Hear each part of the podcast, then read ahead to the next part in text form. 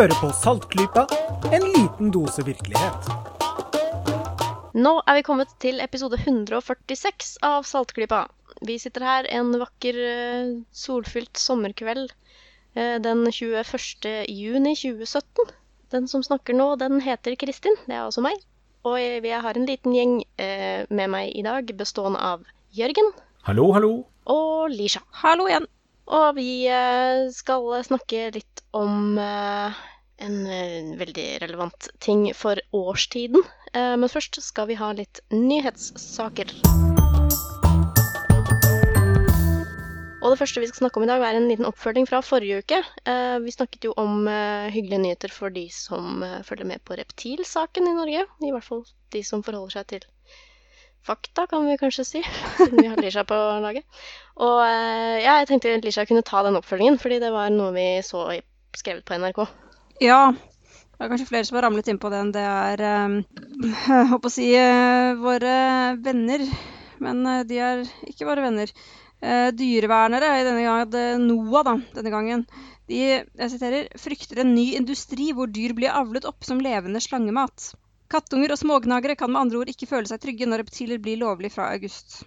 Eh, Det her er sånn eh, skremselspropaganda. Siri Martinsen, som er eh, leder for NOAH, hun sier at det er mulig vi får se en industri i stor skala hvor dyr avles opp ene og alene for å bli spist av slanger. Det første jeg tenker, er at det kommer jo Det er jo ikke noe som er i nærheten av å skje i Norge i dag i det hele tatt. Og det Nei. som gå med på det. Og det hun skriver, hun sier at NRK skriver at hun sier at hun tror reptilene vil trenge så mye mat at det blir en industri å avle opp smådyr. Mm. Uh, og dette er å komme med stor skala. Det er jo helt fullstendig på tur. Det er fem millioner mennesker her i landet. Og det er ikke fem millioner som er interessert i å ha slanger i hus. Eh, de aller fleste som er interessert i dette, de har det sannsynligvis allerede i dag. Ja, jeg skulle til å si det. Det er jo ikke akkurat som om det går fra null til en million. Det vi kommer til å se, er jo at sannsynligvis det blir noen sånne små snoker som kan eh, dukke opp. Og så vil det nok bli en del skjeggagamer og noen skilpadder som folk vil skaffe seg. Men at det kommer til å bli noe kjemperush nå, det er jo helt urealistisk. Fordi det har ikke vært sånn at folk ikke har hatt reptiler. Vi har jo hatt det. Hele tiden, I alle de 40 årene som forbudet har vart, så har vi jo selvfølgelig hatt det. Og hun påpeker også at mange, husk at mange av disse reptilene har vanskelig for å ta til seg døde dyr. Eh, Da er det sånn at en av grunnene til at man ønsker å tillate en del arter i privat hold, det er det at da blir det også lettere eh, med avl av disse artene. Og det er selvfølgelig noe man ønsker å unngå, å fange ville individer. For det ødelegger jo bestanden i det fri, og det er heller ikke noe bra kjæledyr, for de blir syke og stressa, og de lærer seg aldri å trives i fangenskap. Men dyr som er avlet i fangenskap, lever et hele livet, de tilpasser seg mye bedre, og de har veldig veldig sjelden problemer med å spise dødt. Det er en av de store fordelene. Jeg vet ikke om vi har tid til å fortelle en liten eh, morsom historie her. Jo, jo. Hvis man eh, driver med avl av slanger, da, så kan man gjøre det på to forskjellige måter. Man kan la moren ruge ut eggene selv, eller man kan legge dem i eh, rugeskap for å få klekka dem da, uten kontakt med mor. Og det går fortere. Altså Man får flere dyr på den måten, fordi da blir jo moren klar igjen mye før til paring og for nye egg. Men ungene man får ved at mor ruger dem ut, de er mye bedre kvalitet. Blant annet så er de mye flinkere til å spise. Og det Mm. vet man ikke helt hvorfor, men teorien er at de er jo da egg, i egget med mor når hun spiser. Og da går det et eller annet eh, reptil, egg, eggeskall hos reptiler det er mye mer porøst enn hos fugler. Så da går det noe lukter og noe greier gjennom eggeskallet inn til fostrene, som de da gjenkjenner når de klekkes og skal ete sjøl. Og dette var det en fyr, jeg tror han er amerikaner, han drev av på tigerpyton, mener jeg det var, og han ville teste ut dette her. Så han eh, tok et kull ifra moren og delte dem, hadde dem i to forskjellige rugekasser. Og det ene halvparten av kullet det gjorde han ikke noe med. Og det andre halvparten, det pensla han. Det må, det må være fuktighet eh, hele tiden, da. Eh, de må ikke tørke ut. Så det, du må ha vann i materialet i rugekassa. Og der, det vannet han hadde der, det hadde han hatt litt jordbærsaft i. Og når disse ungene ble klekt, så var de eh, like samme størrelse, samme stort sett alt. Det, begge halvdelene av kullet, holdt jeg på å si. Men de som han da hadde gitt eh, jordbærsaften eh, i fosterstadiet, de spiste jordbær. Pytonunger som faktisk trodde jordbær var mat for dem. Eh, så eh, de kan lære seg til å spise det de får, de. Eh, men selvfølgelig så er de kjøttetere, og de skal ha dyr. Men det er, dyrekadavere er det som er lov å gi i Norge. Og det er ikke sånn at folk som ønsker seg reptiler, brenner etter å bryte loven. Det er jo derfor vi har kjempa i 40 år for å få det tillatt. Hva, Er det ikke bare sånne motorsykkelgjenger og sånn som har reptiler, altså? Utrolig nok så er det altså ikke det. Og det er særlig da fangenskapsfødte dyr, så er det veldig sjelden er noe problem å lære dem å spise dødt av disse enkle artene som nå skal bli tillatt. Så det her fra dyrevernerne det er ren skremselspropaganda. Det har ikke rot i virkeligheten. I den grad dette blir en industri i stor skala, så er den i landet allerede.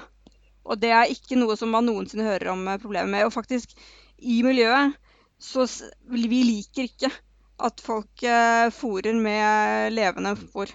Bortsett fra insekter. De gis levende. Ja, jeg har sett uh, noen dyr som gis sånne melbillelarver og sånn, er det ikke noe sånt? Ja. Også, kanskje litt gresshopper Og sirisser og, og sånn. Uh, mm. Men uh, små pattedyr som gis til uh, fôrreptiler, det ser man veldig skjevt på i reptilmiljøet at man gir de levende. Så det forekommer i ekstrem liten grad. Du får dyr til å spise dødt. Det er jo et eksempel på igjen at det er noen få som ødelegger for ja, det er som regel alltid det, men du kan liksom ikke forby hele greia ved grunn av at det er noen få. Da ville man jo måtte forby egentlig alt, så ja. Kan jo klage på katteeiere òg, da. De dreper jo småfugler og mus i hopetall. Ja, faktisk. I en skala som er ganske problematisk. Ja. eh, og det er vanskelig å hindre dem i det. Naboen min hadde innekatt. Eh, han var bare ute når de var eh, på hytta, og i hytta så gikk han i løpestreng, og han drepte fugl, altså. En innekatt ja, ja. i løpestreng, han drepte fugl. Ja, nei, altså jeg har jo to katter selv. Altså de uh, rensker jo huset vårt for uh, flygende insekter, i hvert fall. Det ja. skal være sikkert og visst. Ja, det er Visse ting er det bra at de tar, men uh, andre ting er det ikke bra, og det skylder de ikke på. Nei. Men selvfølgelig, som vi snakket om forrige gang, de, des, disse NOAH og disse organisasjonene de ønsker jo også at du ikke skal ha lov til å ha katter. Det er jo ikke bare at jeg ikke skal få skilpaddene mine. Det er du skal ikke ha kattene dine. Ingen skal ha slaver i sitt hus. Ja. Nei, men altså, det er jo bra de er konsekvente i sin sak, da, i hvert fall. At de ikke ja, ikke sant? Tallet med to tunger. Men igjen, de skjuler sin egentlige agenda og skremmer med stakkars kattunger når det egentlig ikke er det som er poenget i det hele Nei, det er en veldig uærlig måte å debattere på. Og for folk som eventuelt har lest dette og blir bekymret for de stakkars søte små musene og sånn, så dette kommer ikke til å skje.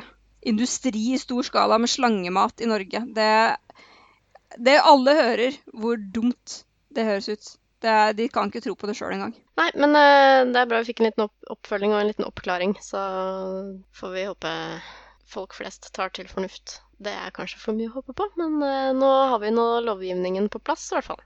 Det har vi. Da skal jeg bare være kort innpå med en liten astronominyhet. Denne gangen er det da en pressemelding fra NASA. Eh, det er jo det gode gamle Kepler-teleskopet da, som er ute og titter på, på nabolaget vårt. Eh, den stirrer jo på stjerner, og så finner den ut om det kretser planeter rundt de stjernene det er snakk om. Selvfølgelig stjerner utenfor vår egen. Og den har jo funnet en hel drøss allerede, og nå nylig registrerte den like så godt en drøss til. Eh, den har nå i det siste kommet med en liten ny katalog med kandidater Altså det er jo snakk om planeter som Eller objekter som vurderes sterkt til å være kandidater. Jeg tror det er snakk om uh, i hvert fall 90% sannsynlighet at kommer til å bli innlemmet i katalogen over eksoplaneter, som det også heter. Det er snakk om 219 nye kandidater, og det som er stas med dette her, er jo ti av dem, er en betydelig andel, er uh, litt sånn halvveis på størrelse med jorden og mm. går rundt deres stjerne eh, i en avstand som eh, man kan beregne at er beboelig. Da. Og beboelig det er liksom sånn løst betegnet at vann kan holde seg flytende der, er gjerne den eh, betegnelsen man gjør. Det sier jo ingenting om det er liv der, men eh, det er en helt klar kandidat at hvis det hadde vært forhold for det, så hadde det gått som med jorden. Så det er jo tusenvis av objekter i denne Kepler-arkivet. Sannsynligvis eh, Ja, per nå så står det her faktisk i saken også det er 4034 eh, planetkandidater som Kepler har identifisert. Og de som er verifisert til å være faktiske planeter rundt andre stjerner, det er eh, hele 2335 av dem. Så Oi. det er eh, mange, altså. Fra, det er jo ikke så mange år siden Kepler startet opp. Og vi syntes det var kjempestas når det var liksom noen titalls objekter i katalogen, og så bare plutselig så bare raser det inn år etter år. Veldig kult. Eh, og da i eh, av disse 2000 så er det da 30, mer enn 30 planeter som er eh, ca. jordstørrelse, med da en avstand til sin stjerne som eh, indikerer en beboelig sone. Hmm. Det er eh, Altså, jeg kan jo bare repetere måten Kepler oppdager uh, eksoplaneter for. Da, altså den ser etter mini-mini-formørkelser. Så det er jo ganske viktig da at denne planeten passerer rett foran stjernen sin fra Keplers synspunkt, sånn at det blir en bitte, bitte liten dipp i eh, lyset fra, som Kepler ser. Og så ser den da etter hvor mye den dipper, og på hvilken måte den dipper, og så ser den ja, det der er en planet. Eh, så altså bare det at det er bare de som er i eh, de planetene som formørker i Keplers synspunkt, som blir sett. Det vil jo si at det er ganske mange flere enn de, eh, de som Kepler kan se. Så det er kjempekult. En annen ting som, eh, som også ble, har blitt fastslått da, etter denne nyeste bunchen med planeter Det ser ut til da at vi har to Altså blant små planeter, og nå snakker vi om ikke gassplaneter sånn som Jupiter og enda større og sånn, men blant de små planetene så har man to distinkte størrelsesgrupperinger. På den nedre enden da, eh, av denne skalaen så har vi de, eh, de som vi kaller eh, ja, superjorder, super-earth, altså større enn jorden. Og eh, i øvre sjiktet så har man da det som man kaller mini-Neptuner. Og Neptun er jo en planet som er fire ganger så eh, bred som jorda. Og det de også har funnet ut av, er at eh, disse i antall så er mini-Neptunene, altså de største på, i største enden av skalaen, er de mest eh, vanlige planetene i, som Kepler har um, oppdaget. Og det er litt morsomt, Mm. fordi vi ser jo ingen mini-Neptuner i solsystemet vårt. Så det er liksom, altså i det, hele den skalaen, eh, fra og med Super-Earth til mini-Neptun, så har vi ingen sånne planeter i vårt eget solsystem. Og så vet man ikke helt hvorfor, da. Men det blir eh, interessant å forske på. Kan jeg tenke meg. Ja.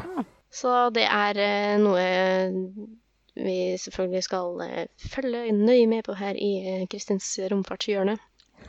Og eh, hver gang jeg snakker om Kepler, så må jeg bare lenke til denne her planetdatabasesiden planetdatabase-siden på nettet, som man kan finne, og så kan man sortere etter hvilket år og ja, alle typer data. Så kan man se alle med type statistiske data, så kan man leke med dem og sånn. Da kan jeg lenke til det på nytt.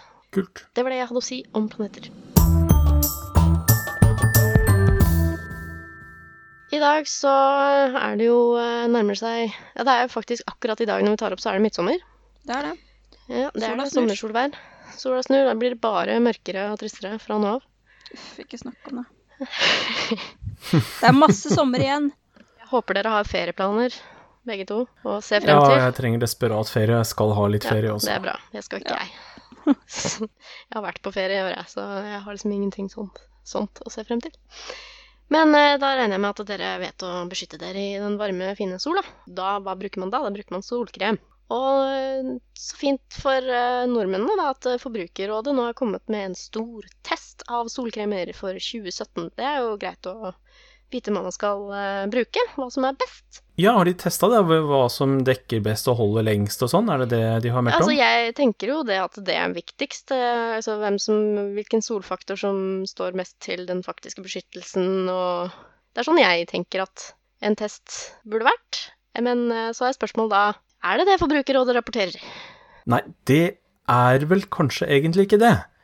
De har eh, gått eh, hardt ut eh, igjen. Dette er, begynner å bli et årlig fenomen, med en stor oversikt over hvor mye parabener det er i de ulike solkremene. Ja. Og litt sånn miljøbelastende og allergifremkallende stoffer også, selvfølgelig. Men det Jo da, jo da.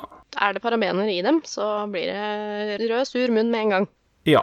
Og eh, det har fått eh, en del mennesker til å irritere seg. Eh, Blant annet Foreningen. Skepsis. ja, og Foreningen Skepsis. ja. Ja. Men de, er jo, de liker jo vi å identifisere oss i hvert fall delvis med.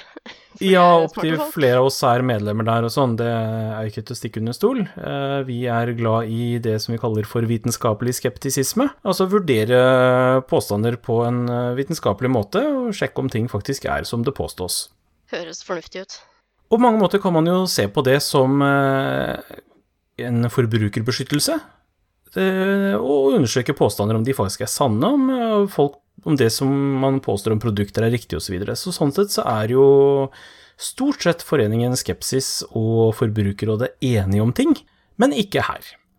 For når man begynner å se litt på den forskninga som er gjort om parabener, så eh, er det virkelig ingen grunn til å advare hardt mot det i det hele tatt. Nei, for parabener, hva er det? Det er jo liksom et, et stoff da som eh, skal være antibakterielt. Eller bakteriehemmende, er det vel. Ja. Og det som er eh, blitt kommet frem da, når man har liksom sprøyta på med parabener og testa årene, det er at det er til en viss grad det som man kaller hormonetterlignende. Hormonforstyrrende, hormon Hermende. hermende stoffer. Altså det binder seg til samme reseptorer i kroppen som det eh, hormoner i kroppen gjør, da. Ja. Men det må ganske store mengder av det før eh, sammenlignet med hva som trengs for å hindre bakterievekst, så må det ganske mye parabener til før man får noen eh, hormonforstyrrende effekt. Og derfor så er det jo tillatt å bruke parabener nettopp fordi det ser ikke ut til å være noe problem i de tillatte verdiene, og eh, de gjør en viktig jobb i de produktene der de brukes. Jeg skulle til å si det. det er ikke noe, eh, de gjør ingen skade i de mengdene som er tillatt, men fraværet av dem kan gjøre betydelig skade, for da får man bakterievekst eh, i de produktene. Og det kan være Man kan få bakterievekst, eller de kan tilsette andre stoffer som er mindre nøye testet, og kanskje til og med er øh, verre for kroppen. Det er akkurat det. Det kan det være. Så eh, i hvert fall Foreningen Skepsis har laget en sånn, eh, sånn mem, et bilde med tekst hvor de eh, har et ganske klart budskap og har i den posten gått med dokumentasjon på det de mener. Og den har gått ganske viralt de siste dagene, så det er litt av grunnen til at vi snakker om det.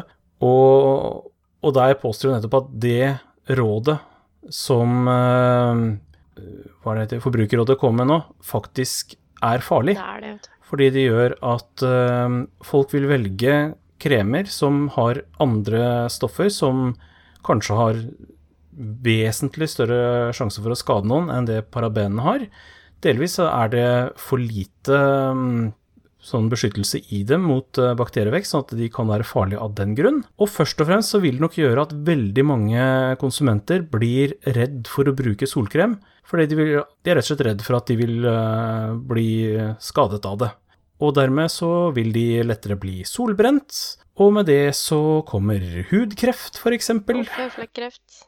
Ja, så det er, her er Forbrukerrådet ute med advarsler som ikke har basis i eh, den beste tilgjengelige vitenskap, eh, og som i da i tillegg kan eh, gi økt helserisiko ved at de sprer den uh, typen propaganda som de gjør her. Ja, det er jo på sin plass å nevne at uh, nordmenn faktisk uh, har veldig godt av å få litt god info om hvordan beskytte seg mot sola, for de er jo faktisk i verdenstoppen på føflekkreft, i hvert fall ifølge statistikkene. Ja, dessverre. Ja, det er klart vi er et folk som blir innmari bleike om vinteren, og så kommer sola om våren og sommeren, og så løper ut nakne og skal slikke alt mulig rart, og før vi vet ordet av det, så er eh, vår sarte hud eh, brent ganske grundig. Det er veldig, veldig mange som opplever, og det er farlig. Men eh, de som vil klage på Forbrukerrådet, skal vi da klage det inn til Forbrukerombudet, da? For de to er jo faktisk to forskjellige organer. Eh, og det er faktisk mange som ikke vet at det er to forskjellige ting. Og Forbrukerområdet er jo faktisk de som kontrollerer at eh, ting er i strid med eh, ja, markedsføringslovgivningen og sånn, og, og griper inn mot eh, villedende markedsføring, rett og slett, og ulovlig reklame. Og det, jeg tenker liksom sånn at eh, de har jo med produkter og sånn i testene sine, så tenker jeg liksom kanskje man kan klage Forbrukerrådet til Forbrukerombudet for å reklamere mot feil ting. reklamere på feil ting. Ja, nei, det er jo de har jo så likt navn, så det er lett å Ja. bli forvirra. Så når jeg nølte litt i stad når jeg skulle si Forbrukerrådet, så var det nettopp fordi jeg plutselig ble usikker på om det var Altså, Forbrukerombudet. ja, det var noe jeg måtte minne meg selv på, altså. Ja. Men det her er ikke bra, altså. Når eh, statlige instanser som skal gi nøytral og god informasjon til borgerne, kommer med rett og slett farlige råd, så, så er ikke det bra.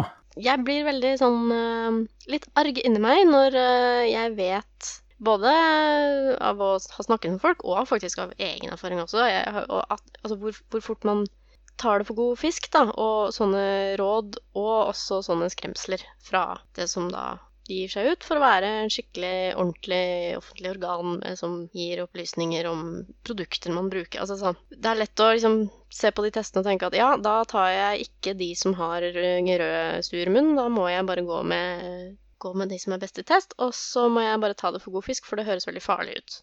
Det er, sånn, det er så lett Mm. å, gjøre, å gjøre det. Det er jo ikke bare altså, vi, er, vi er jo ikke sånne som er så smarte at vi ikke går på sånne ting selv, heller. Nei, nei. Det er klart det. Det, er, det enkleste er å gå for sånne offisielle tester. Da er liksom, det er jo en veldig god pekepinn vanligvis, så, eh, så dette blir jo sannsynligvis eh, lagt merke til av folk flest. Og det er noe av det som er så farlig ved dette her, da. Og det som også er så dumt, er at det er jo altså ikke første gangen dette skjer. Dette har eh, Forbrukerrådet holdt på med i flere år. De har til og med laget en app som hjelper deg å finne solkremen med minst eh, parabener. Ja, altså paraben, parabener er, fremdeles en greie i all type såpe, kosmetikk greier At det står alltid uten parabener. Det står liksom alltid sånn. Det er Ja. nesten veldig vanskelig å få med parabener for tiden. Men de opplyser da ikke om hva som kommer eh, i stedet. Nei. Det sier de ikke noe om. Uh, og det også, Man skjønner jo at folk ønsker å unngå ting som er potensielt kreftfremkallende. Men er det én ting som virkelig er kreftfremkallende, og det er ikke potensielt engang, så er det jo sola. Mm. Eh, når vi leste litt eh, for å finne litt stoff til denne saken, her, så fant vi ut at eh, fra 50-tallet og frem til eh, i dag, så har forekomsten av føflekkreft økt 20 ganger i Norge. Og det er faktisk flere hundre som dør av det hvert år. Så det er jo ikke noen spøk. Eh, det, og samtidig så er det veldig viktig for nordmenn som lever her oppe i det kalde nord, og dessverre spiser stadig mindre fisk, så er det veldig viktig at vi får sol på kroppen og får inn det vi kan av D-vitamin i den uh, lyse årstiden. Så det er helt innsides at folk skal drive og skremmes vekk fra å bruke solkrem pga. noe som potensielt kan kanskje komme til å skje. Det, det er helt sprøtt. Den er på en liste. Den er, parabener er på en EU-liste, men de er, de er ikke på en liste over uh, hormonnærmende stoffer. holdt jeg på å si. De er på en liste over stoffer som har vært kandidater til å kanskje kunne utgjøre noe som kanskje kan være greit å opplyse om. Liksom. Det er ikke Ting som skal undersøkes. Ja. Hvis du, hvis, du sier, hvis du tenker deg kaffe, da, så er jo det et klart karsinogen i forhold til liksom, Ja, ja. parabener, hvis man uh, sammenligner. Og det er jo ikke mange som uh, gir opp sånn uten videre. Det er snakk om eh, det, det er hormonhermere som er uh, opptil en milliontedel av virksomheten til naturlige østrogener, som både menn og kvinner har i kroppen. Eh, så de får ikke så mye plass til å binde seg til reseptoren i kroppen vår, da. Nei, og de reseptorene de er jo allerede opptatt av de faktiske hormonene som vi allerede har. Det er nettopp Så det. det ikke, de får ikke bindet seg, fordi det er, det er ikke ledig der de vil ønske å binde seg. Og jeg, jeg, jeg snakker som om dette er selvfølgelig kunnskap for meg, men dette er også ting jeg har lest meg opp på. Så selvfølgelig, det er jo ikke alle som kan vite sånt. Uh, heller ikke jeg. Ja, men i hvert fall, det, det at det har pågått i flere år, denne propagandaen, det, det plager meg. Jeg håper at vi snart eh, får denne saken så mye opp i eh, nyhetene at Forbrukerrådet får en ordentlig smekk på lanken og slutter med det tullet her. Ja. Eh, vår gode venn eh, Gunnar Tjomli skrev en artikkel tilbake i 2015 med tittel 'Kan jeg få tilbake parabenene mine, takk?' Eh, den anbefaler jeg gjerne å lese. Den, eh, for det er ikke noen vesentlige endringer i forskningen siden den gang, så vidt jeg har funnet ut. Det er, eh, den er gyldig per i dag. God, lang artikkel med masse kilder, og eh, verdt å lese så man har litt ammunisjon for å stå imot feilaktig propaganda. Vi, jeg har ikke funnet den frem, men jeg vet at vi har hatt en hel episode om, i Sandklypa om parabenoia, da den var som verst, sånn cirka rundt samme tid. Eh, så jeg skal prøve å grave frem den. Ja. Nei, men eh, Konklusjonen er at dette er ennå en eh, dårlig formidlet eh, sak. Eh, bunner ut i uvitenskap og kommer ut som selvfølgelige sannheter blant eh, Norges befolkning. Bare bygd på helt den, denne her, eh, altså kjemofobien, da. Som er så Det, det er så trist. Ja, men så vanligvis så kommer jo kjemofobien fra privatpersoner og foreninger som eh, står helt på sidelinja for forskningen, og som har sine helt egne agendaer. Her er det statlig institusjon, og da blir det litt verre. Og heldigvis i Norge så er det sjelden at eh, det begås den typen feilsteg fra statlig hold, eh, men her er det det. Jeg kom på én sak som vi hadde for et eh, par år siden som var litt tilsvarende. Da var det om e-sigaretter. ja. Ja. ja, det er jo en sak som jeg er litt interessert i. Og da var det Skal vi se, hvor var det jeg hadde den artikkelen hen? Jo, der var den. Da var det eh, Helse- og omsorgsdepartementet som hadde bestilt eh, en eh, undersøkelse fra Folkehelseinstituttet om faren ved e-sigaretter. Og da konkluderte også Folkehelseinstituttet ved direktør Camilla Stoltenberg om at eh, e-sigaretter er like farlig som sigaretter. Da gjaldt det passiv røyking. Så hvis man bare så overskriftene, så kunne man fort bli ledet til å tro at eh, e-sigaretter var totalt sett like farlig. Det var det ikke snakk om, det var snakk om som passiv røyking. Mm. Men da var det kun fokus på eh, mengden nikotin, ikke f.eks. tjærestoffene, som jo er det som, er eh, det som virkelig er kreftfremkallende og helsefarlig ved Ja, eh, passiv røyking. Så det var også en sånn veldig skeiv sak, hvor, hvor de, tydeligvis noen har eh, bestemt seg for at nei, dette er ikke bra. Vi eh, syns at e-sigaretter høres veldig farlig ut, selv om forskningen knapt sier det. Strengt tatt sier forskningen noe helt annet, men på akkurat dette lille punktet så har vi noe som sier at det kan være like farlig.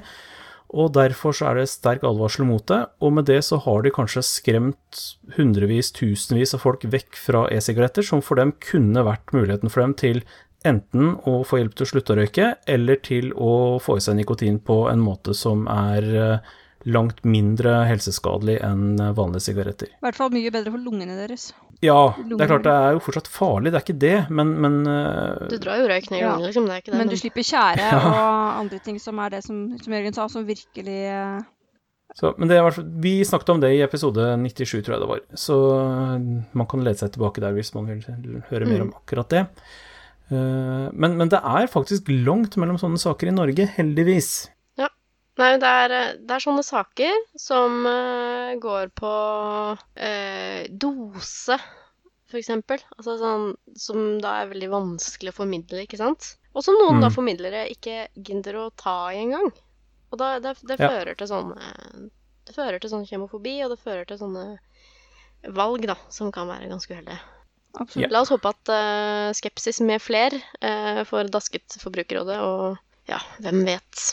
Kanskje de tar til fornuft. Nei, Hvis de bare slutta med det, hvis vi bare kunne slippe det til neste år, så ville det egentlig være bra nok for meg. altså. Ja, absolutt. Da blir de vel beskyldt for å være i lomma på skepsis neste år, da.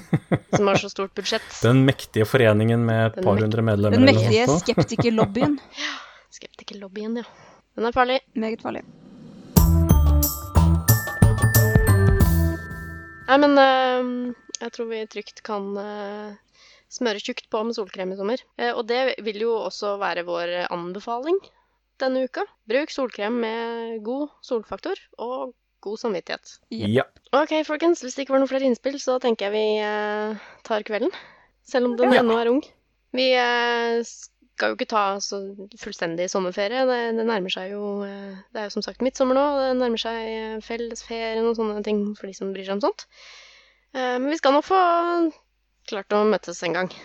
Ta en liten prat. Ja. Det skal Vi vi nå. prøver på det.